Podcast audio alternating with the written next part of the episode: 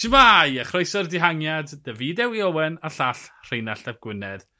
Giro cymal 2, Tim Merlir enllodd hi yn y wyb i ennill ei gymal gran tor cyntaf eriod, Rheinald yn hollol heiddiannol. O, oh, yn gwbl, gwbl heiddiannol. Dwi wir yn chyfft ar ei rannau. E Diwedd yn mynd i rasio'r Sgelder Prize. O'n i'n gwybod bryd hynny, oedd e yn y man cywir, ti'n modd, nath e ennill y Coxeid y Classic, a wedyn e'n drydydd yn dwar Dwardwr Flandron, ond, ti'n mae ma wedi bod yn fish ers iddo fe rasio, felly oedd na far cwestiwn, a dwi mor ddalch bod, bod e yn y man cywir. Ti'n bod, ni'n gwybod uh, o'r buddigoliaethau mae wedi cael mor belled eleni, ti'n bod, mae'r cic a'r jawl gyda fe, a mae fe, mae felly wneud gwyb hir pwerus iawn. A ie, yeah, oedd e'n edrych yn gyfforddus yr holl ffordd mewn. Ie, yeah, uh, y trafodaeth cyn uh, dechrau gwibio oedd bod e ddim cweit i ennill ar y lefel uchaf. Mae di ennill lot y leni fel ti'n sôn amdano. Oedd yn llwyddiannus iawn yn gynarach yn y tymor yng Ngwlad Belg. Ond ti'n disgwyl y rhestr tu ôl i fe. Jacoman Solo, Elia Viviani, Dyla Chrona Fecha, Petr Sagan. Ti'n methu cwyno'r gystadleuaeth yn ebyn e. Mi enillodd e cymal mewn Grand Tour yn deg. Oedd y gweddill yn gweibio, oedd y rhai oedd yn cystadlu yn erbyn e heb unrhyw rwystyr, felly mae Tim O'Lear yn perthyn yn y cwmni hyn. Yn sicr.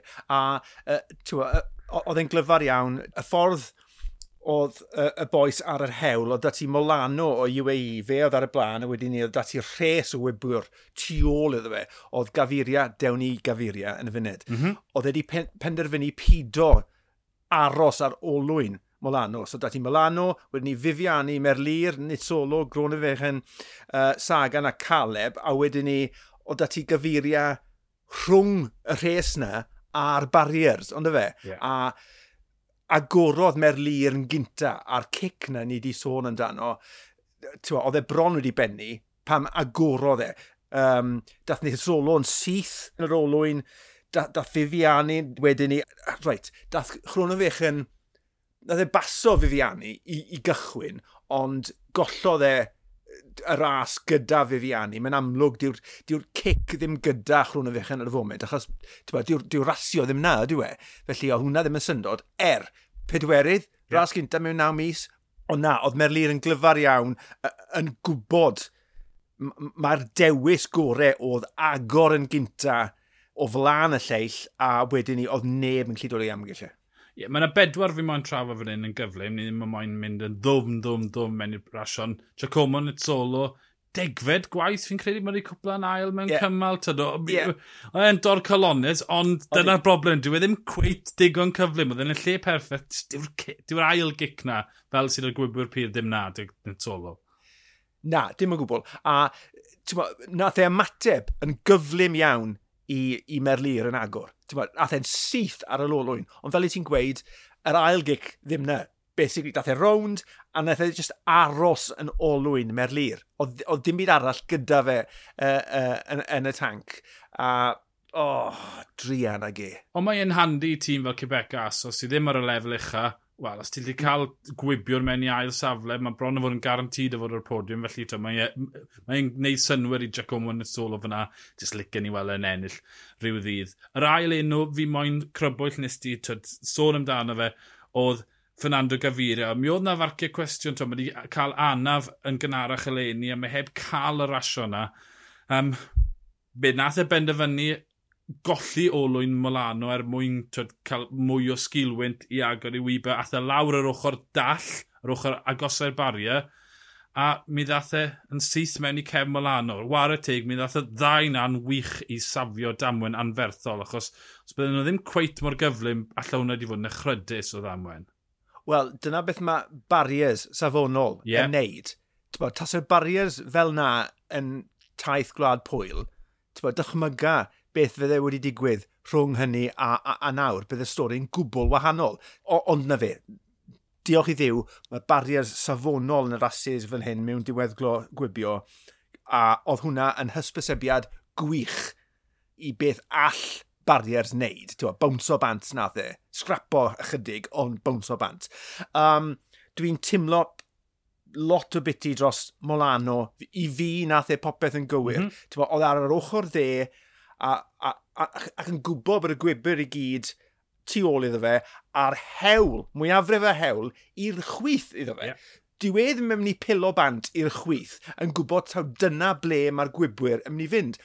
A, a chwarae teg, nath e ddim pilo bant tan bod Merlir a Viviani wedi paso fe. So oedd e'n gwybod taw dyna lle oedd y ras. Oedd ninman gyda fe fynd ond i'r ochr dde. Felly fi yn beio gyfuriau am beth bynnag oedd e'n ceisio gwneud. Oedd e ddim ar olwyn unrhyw un. Oedd e rhwng y gwybwyr a'r barriers, o dim un ffordd oedd e'n mynd i baso Molano, a dwi'n gobeithio, achos nath e strancio wrth groesi'r linell, a mae hwnna'n ddealladwy bod wedi colli'r cyfle i fynd am y wyb yn y giro. Ond fi'n gobeithio, ar ôl edrych nôl ar y wyb na, bydd yn sylweddoli nad bai Milano oedd e o gwbl cytuno gant y cant. Fi'n credu pan bydd adrenalin yn tywelu yn ei gorffau, fi'n credu bydd e'n ail edrych a cytuno gyda ti. Ie, um, yeah, mae'n digwydd. Gambl yw mewn lawr ar ochr dall mewn gwyb. Yeah. Um, yr air yn yw, petasau gyfeiriad i bod ar olwyn Molano, mwy na thebyg bydd Molano wedi mynd i'r chwyth er mwyn agor y drws i gyfeiriau, er mwyn bloco'r yeah. gweddill. Ond tyd, yeah dyna fe, falle bod e ddim yn dangos bod e ddim cweit ar frig y gêm a bod e'n neud dewisiadau anghywir, ond diolch byth bod y barriers yn saff. Sôn am y barriers, dyla chron o fech yn stadlu ar y lefel uchaf, so tro cyntaf ers y gwaharddiad o taith pwyl. Falle bod e ddim cweit na ar y lefel uchaf, ond mae'n galanogol bod e yn gwibio. Ie, yeah, chlwn o fech um, yn y diweddglo oedd yn edrych bach yn unig ar ei ben ei hun yn ceisio syrffo, dim syrffwr yw e, mae angen tren arno fe, ond dath decr lan um, i'w dywys, um, wrth gwrs, diw'r diw, diw, diw lefel uchaf ddim gyda fe ar ôl bob mas uh, am gyhyd, ond dwi yn falch bod e wedi taflu hi nôl mewn i'r gwibio yn, yn gyflym fel hyn, achos mae rhaid iddo fe ddim lan gyda'i yrfa. Felly, neu sgweler y cyfle cyntaf, really, yn cymysgu ar y blaen mewn diweddglo fel hyn, bydd e'n gyffeiliad iddo fe yn symud ymlaen, felly da iawn. Ie, yeah, um, ac yn enwedig o'r, or, twyd, uh, ystyried bod y newyddion wedi dod mas bod Jacobson ddim yn hapus gyda'i uh, gyda'r ffordd mae Chronovecha wedi siarad am cyfarfod, a mae'n mae mae hyll be, twyd, bod hwn heb cael ei sorto mas. Twyd, mi oedd Chronovecha ar bai, ond y bai mwyaf oedd y barriers. Twyd, ni wedi gweld y gwahaniaeth wrth bod barriers cywir na, felly mae e mor drist bod, bod y graith hyn yn meddyliau'r ddau heb cael ei sorto mas hyd yn hyn naw mis yn ddiweddarach. Ie, yeah, glywes i heddi, falle y rheswm nath e ddim uh, gweud sori oedd y ffaith bod na achos cyfreithiol dal yn fyw o bosib rhwng y ddau a bydde gweud sori fel yna yn gyfaddefiad dwi, dwi ddim yn sicr ond mae'n ma, ma rhai bod y pobl yn list chrôn y fechen falle wedi gweud bydd yn ofalus beth i ti'n gweud achos falle gallai hwn gael ei gymryd fel cyfeddefia, dwi ddim yn gwybod. Ie, yeah, ond nôl a be wedys ti, oeddi, mae mor drist bod y peth hyn yn cael ei lusgo mlaen ymlaen a, a, a bod e yn fyw ar Twitter hefyd. Dyna'r byd modern sydd ohoni, ond dyw e ddim yn beth pert o dyw e. Na, dyna'r peth trist. Ie, yeah, mae hwnna'n hollol ddealladwy, ond y ffaith bod dyna ddau berson yn methu symud mlaen ar hyn o bryd. Sori os mm. chi'n hmm. clywed y ci yn crafu yn y cem, fi wedi cael y mas o'r studio gartre er mwyn bod ni'n gallu recordo hwn. Uh, yr er dyn olaf fi moyn siarad amdano yw Caleb Iwan. Caleb Iwan, yeah. nynllen y wyb, oherwydd bod y tren wedi colli, uh, wedi mynd yn anhrefnus yn mynd trwy'r roundabout ola, nhw wedi 30 olwyn lawr, nhw heb cael Caleb mewn i'r sefyllfa cywir mynd trwy'r roundabout ola yna to, pawb yn gwybod bod y roundabout na oedd yn hollol glir ar y llyfr. Felly, diffyg trefniad unwaith to gan y, gan y tîm, ond mae hwn yn hun o fwy o dystiolaeth bod Caleb Iwan yn dechrau Grand Tours, teithio cymalau, ddim cweit gyda'r meddylfryd cywir, fi'n credu bod wedi rasio mewn 28 ras cymalau 29, rhywbeth fel ni, dim ond i ennill unwaith ar y cymal gwibio gyntaf, felly mae'n cymryd amser i fi mewn i rhythm y ras, ond ti'n credu o ystyried faint o seren yw e, faint o, twyd, faint o bwysau sy'n sy, sy arno fe o, o ran y tîm, byddai ti'n meddwl bod rhywun wedi cael gair dy fe, sort fe mas, ond y tîm oedd ar fai fan hyn, roi e gadael yn lle anghywir, 30 olyn lawr gyda 700 metr i fynd, wel, be mae'n fod wneud, dyle'r tîm sort o hwn mas. Yn sicr, a, a, a, a welon ni yn y diweddglo fyna, nath e, nath e dynnu mas o'r wyb yn gyfan gwbl. Bo, falle gallai fe ni cael, sa'n bod, wechyd seithfed neu beth, ond degfed oedd yn y diwedd. A, a mae'n dangos pencampwr fel fe, ennill sydd yn bwysig. Mm -hmm. bod, diw, diw, diw, diw, does dim diddordeb fe fod yn olso ran. A arbed egni oedd yr unig beth allan wneud. um, o dybwst gyda fe yn y diweddglo yna, ond ie, yeah, wnaethon nhw smonach o bethau fyna. Coes y dringo, mae wedi dangos uh, eleni, bod, yn, yn, yn, San Remo, mae yna gwbl o, o gymalau anodd yn dod. Um, fe wedwn ni yn, yn yr agolwg, mae ma cyfle gyda fe yn y cymalau yna lle nad oes na i, i wybwyr mwy pyr nag e. Felly dim hwn yw'r diwedd i gyfleon Caleb Iwan yn y giro eleni.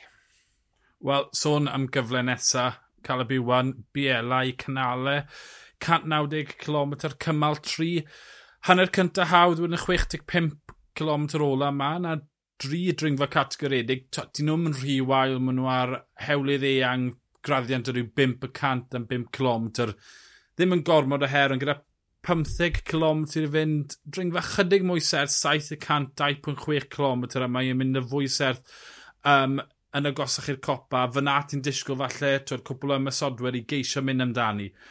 Ti'n disgwyl pob un o'r gwybwyr i oroesi y dringfeidd ma? Ei, nawr, mae hwnna'n gwestiwn. Um, mae wrth gwrs yn dibynnu ar siwt mae'r uh, mae tîmau yn mynd i ymosod, neu mhm. ddim mm -hmm. yn mynd i ymosod ar y dringfeidd bydde ti'n meddwl falle bydde rhywun fel tywa, bod y Hansgrohe falle eisiau cadw tempo uchel tywa, dros y dringfeidd yma i, i, i gael gwared ar sawl o'r gwybwyr yma. Ie, yeah, i fi mae'n dibynnu yn hollol ar, ar, ar agwedd y tîmau uh, yn mynd mewn i'r diweddol yma. Ie, yeah, mae'n gofyn tipyn i un tîm rhoi bopeth lawr ar y hewl er mwyn gwagu'r coesau. Ti'n disgwyl y diweddglo na, wel, mae'n disgwyl yn haws na diweddglo San Remo, lle mae Caleb Iwan wedi gallu groesi eleni. Felly, felly bydde bora am wneud e, falle bydde ni'n gweld Quebec a Asos yn wneud e, mae yn gallu dringo er mwyn ceisio gwaghau coesau'r gwybwyr, achos mae'n mae un peth goroesi, a fi'n gweld tipyn o'r gwybwyr yn goroesi'r dringfeidd fori, ond gwibio ar ôl gwaghau'r coesau yn rhywbeth gwahanol. Felly, twyd, ni'n sôn o bod nid solo heb yr ail gic na, wel, beth os mae'n cael gwared o'r cic cynta o, gwyb, o coesau'r gwybwyr ar y bryniau Mae cyfle da gyda nid solo, achos diwedd ddim yn siabu pan mae'n dod i ddiweddglo um, anodd. Ni wedi sôn am Caleb, um, Petr Sagan hefyd. O, wedyn ni ti'n gweld rhywun fel Paddy Bevin sydd yn gyflym iawn, yn mm -hmm. enwedig ar, ar ddwrnod anodd fel hyn. Mae gyd yn dibynnu ar pa mor anodd fydd y diweddglo yna. Um, ond bydde, bydde fe ddim yn syni fi gweld y tîmau y, y, y gwybr ni newis sôn fyna yn bwrw hi'n galed er mwyn cael gwared ar gymaint o gwybr a, a, a phosib. Ie, yeah, Sagan, Caleb, Nitolo, Befin, ti'n boes, boes fel a bydden ni'n gweld yn brwydro am y fuddigoliaeth fori. Wel, ymunwch dyn ni nos fori i ffind o mas pwy fydde'n ennill cymal 3. Byddai ar yr awyr fori am ddau'r gloch rheinald dal yn aros yn paratoi ar gyfer ail hanner y giro. Ond y fideo i Owen a llall Rheinald Ap Gwynedd, ni'r dihangiad, hwyl.